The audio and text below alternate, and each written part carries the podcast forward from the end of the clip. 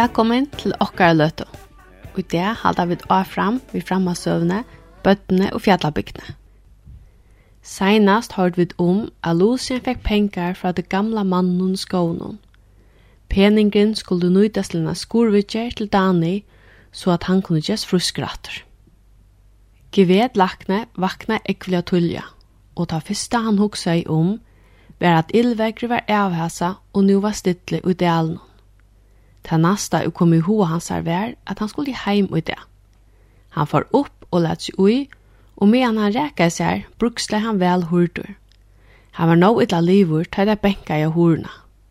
Kom inn, sier han offeren, du tar alt og tullja for morgenmaten som han er bi om. Klokkan var bers halvgån seks. Horen Jack og nått kom inn. Han sa ut som han er i ekkvars løndarmala, sier honom. Fyrje vi at i årekve tiden byrja han og helt i høtten spyrjande av anna vengan. Men jeg hei ikke vær hon av at hun vant i vidjan i morgon. Vidjan tok i vedlakne enn mer offeren opp. Så tull jeg som vekk noen, nei, det har vi avgjørst ikke. Sutja tiden sier nått av øren for jeg får gong da. Det var så leis. For en kvarter så hørte jeg lyde dunk av horene, og ta jeg lette henne opp, stå han dronker av skojen og trappesteinene om tølv år. Han var kvitter som han lek i anleden og luktes meira enn spøkelse enn han hon drønge. Jeg vil fein hitta gevetlakna, sier han, utan så mykje som han bega av morgon, og sette seg nira trappene vi høtte noen og måtte dora karmen hon. E, ja, sier jeg vi han, men du kan ikke åregge folk så tullja måten lutle min. Han ligger sønnsjen og svever. Så bor jeg her, menne, sier han, og høtte sakne i mittlen knøyene men dom du ikke suttjan sitte her og tok skuinar av og hjelpte hon inn og sette henne av en stål. Hvem kommer til, spurte jeg han. Fra predd i år, sier han. Hvordan er du kommet, spurte jeg. Morgon tar ikke kom igjen. Jeg kom om skjære, sier han. Tess meir jeg huksa i om det, og trolig ljøver det. Men han sitter nere i gønnsene nå, og da jeg kom fram vi horen tja tion og sa at ljås vær, helt det at jeg skulle fara inn og spyrja om til hun yngste jeg tåsa ved han. Sjål om det ville til svære ikke vedlakne, men jeg fann meg ikke trygg at han kom om skære. Jeg trygg hvis jeg sjål ved vedviseren hadde klara skære i nått. Vekker man har vært øylet her oppe. Nått av en ypp til øksel og tjekk undan nir jøkken trappene. Men til at jeg gikk om en jøkken trappene, lopet tar bare oppskatjer i måte drønnsjonen. Lucian var glien i stålen og la i ovid av gulven. Anlitt hans var skjoldsamma og kvitt. Gevedlakne tog drøngen opp i føvningen. Jeg tar ikke opp i sovekammer til mer, sier han vid hans kjelka i nåttaveren. Og få meg sindra av heit om vattne, nekka av konjak, heit om kaffe, så kjøtt som de hun kunne. Oppi av sovekammeren leie han drøngen og søngen og kjøsjer. Tog tar vat og stillvannar og tar vat og halvhåsnar av honom og knudja og tar styrt og føturnar. Så gjerne lette han drøntjen ut av kjævet og klæven og badle han inn i teppet. Og nå kom natta var en tyvande vi varmadunkon, konjakje og heitun kaffe. Givet lagtene leie varmadunkene til rattes, og rønte jeg få han at av konjakne i lusjen. Han let ikke enig opp, men soffa i trøtter og svølte. Det var godt lukte min, sier laknen. Du ikke med kjøtt fyrt i atter. Ta i lusjen anna løte settene let egne sunder, og så han beint opp i et bløtt og solbent anledd, og visste ikke reilig hver han var. Han kjente seg heitan og vel til passar, og hugsa i dåsen at han aldri brydde seg om å røre seg atter, så langt han levde. Men han engste jeg for å vite hvor mævren vidt du vinsamma og brunne anledd noe vær, som så høveskur hukte på han. Hvor er til, måtte han? Herre Gvedlakne svære ikke vidt det samme. Han lytte i hødde av Lucien opp for å få nekka av heitum kaffe nir ui han, og Lucien drakk ekkelig spekla. Ta han var livor spurte han oppater. Hvor er det til hon, og hver er det? Jeg er ikke vedlagt med han. Jeg vet ikke hvor du erst, men jeg skiljer at du feir ikke at hos av med. Lucien hukte og skiljande på han. Han er jo så trøytter at han mest som hei glemt hvor han var kommet. Men av varmanon og mätnon blir han av forskil og så sier han, Er det tion henne klodje og navn frem i laknen? Nei, jeg er best en lakne. Men kunne tion ikke få lem bøtna genka? Det er vel som kvitt her lemen, og vi kvørst kan det. Han er lemen til han datt nir i djønna. Han gonger vi høtjon og gjennom skekk vi vi høvum botna. Kvør, spurte gevedlaknesen til roaleser. Luttlet han i børner, han er seks år, Han er grannen til meg. Tog er det at jeg kom og spyrer til henne om til hun kunne gjøre han fruskan. Jeg har nå mye peninger gjelda vi. Men hvordan gjør du hørst om meg? Siste min sier mer fra tiden i Gjørskvalde. Hun arbeider. her. Og hvordan kom så om han her uten ildvekkene? Jeg kom om skjære og skøyene til meg. Det kan så ikke være kommet. Ikke kjæve uten som er nått. Jo, det kom jeg. Det er ingen annen vever. Det var etter satt, det var ungen. Gevet lakne sæt og hukte spyrjande av drønsken, og som han hukte, stakk Lucien håndna inn under kjørstena som han enn var ui, og tok de tjukke håsene fram. Gjør så vel, sier han, er det noe mye å gjøre fruskan for det? Gevet lakten tok penisjen opp ur gamle håsene og ville gjøre sputter. Luttle mun, sier lakten vinnerlige, men avgjørt av malen, Åren vi far vujare, så måtte du se meg hver du finner alle denne penisjen fra. Varst du hvordan nekta er? Nei, sier Lucien, men han var om av sånne. Men syster mun sier at det kostet en nekvann pening. Halda til hun har tatt det noe mye. Det er alt og mye, sier laknen. Men hveren er du finnes derfra? Ein gammal maver som er ein av beste vidumun og gammalt tær, motle han, og følte at han var ikke mentor å halde ein og sundelongur og han bæ meg sija at det var endur gjald for enn skuld, og til hun skulle eie alt. Hvor vi det som gamle mævren spurte ikke vedlagene. Si meg bæst til atreat, og så skal du slippe sova. Hvordan eitir han? Jeg veit ikke. Men hva bor han? Han bæ meg som å sija til hun det. Og så får egne saman og høyde koppa i annan vengan, og Lucien la i fasta svøvne. Gevedlagtene var stater i en av tvørlige støvå, Tåkje han skulle vi for om tro i kvarter. Men dronker som la i sånnsjene hei voa løyve for å komme til hans herre. Det kunne være at han ikke fikk hjelp av noen, men han kunne ikke se en dronk hvis lukken åreie, og ikke hitje til det lutta kriplings noen, og nå får han ha sove flere timer. Han forstidde seg ut i sovekammeren og får han gjøre ondre rinja til konesynet.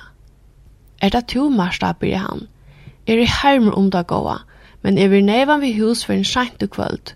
Nekka sera sjålsamt i bors til, og så sier han henne fra at du løgn i hendingsene. Da han kom ut av der skrivstående i Gistingarhusen, var han nær om kort om koll av en unga jente, en reiøkt, bleik og ung jente i overklavun. Hun treiv om hånden av honom.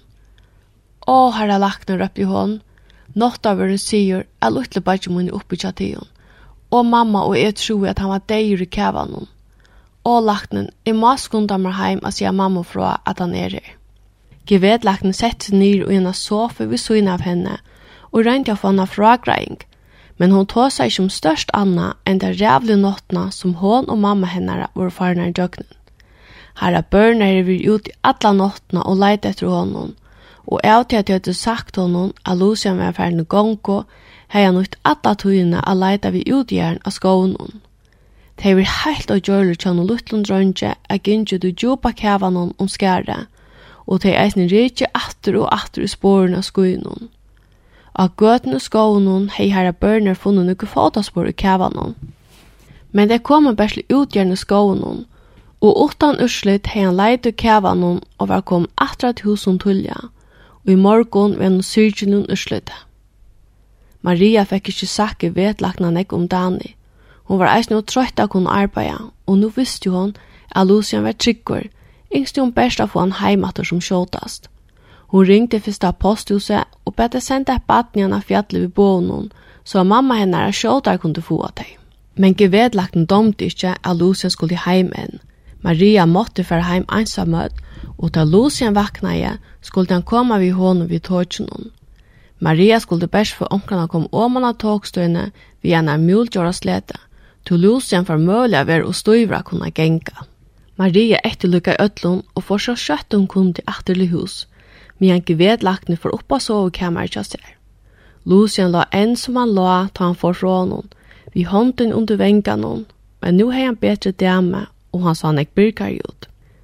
Gved lagtene sette seg ned og hukte jo på han, og undreist av hvordan dronkene finner fæt og så om medaljen er kompenere.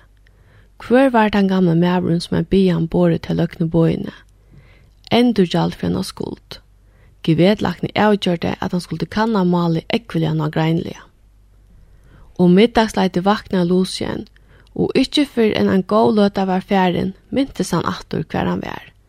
Han er ilt i ødden linon, men det var en heit og løtt på så langt jo anjo fikk han å røre seg. Gevet lakne hørte at han kvakleist vi og får ira vita hos vi visste. Nå spurte han, blir Amal noen, hos jeg hevet du da? Jo takk, godt, sverre Lucien, og mynte så gjerne at han er sove og lei øtta fotla træt. For at hun tog jeg hitja hit til henne utla dronjen, jeg sier til henne omlakne. Ja, sier Gevet lakne og sette stjånen. Vi fjerde at han døvra. I ringer nye nå og bide senda døvran opp til tvær, og medan vi dette, Kan du sige meg alt om den lutta drøngen og alt om den gamla mannen som du sier gata penigen? Jeg kan ikke si at det er om den gamla mannen, sverre Lucien. Du lover ikke gjøre det. Han er nekka dolarfotler, og ikke vidtjer han nekrande utan det. Han sier at jeg skulle bare sige til henne at det var enda gjald for henne skuld og ikke anna. Og han er så god ved meg at jeg kan ikke bråda lyfte. Alt du leie seg lagt inn. Du skal alltid ikke bråta lyft ut av der, og jeg skal ikke bryta til meg om han. Si meg akkur som den lukta dronjen, når fikk han skia og hos jeg hendet det. Laknen sa av Lucien rådneie og sværa ikke han gav av løto. Han yngst ikke skia nutja vimman og sunnen hva verlig hendte, men jeg til at han visste at jeg vet laknen for å høre det fra herre børner, var det ganske bedre at han visste hørte det fra Lucien. Og tog sværa i han. Og i verleggen så var det mye skilt. Det var sørsta var. Jeg arga i han. Jeg latst av missa kjettlingen nir djønna, og jeg miska og misti han. Og Dani, som rønte jeg bjerga honom, datt nir ånda og skatte beinet. Og så igjen tar han ånga til gynngjøreilja. Best av høytjon.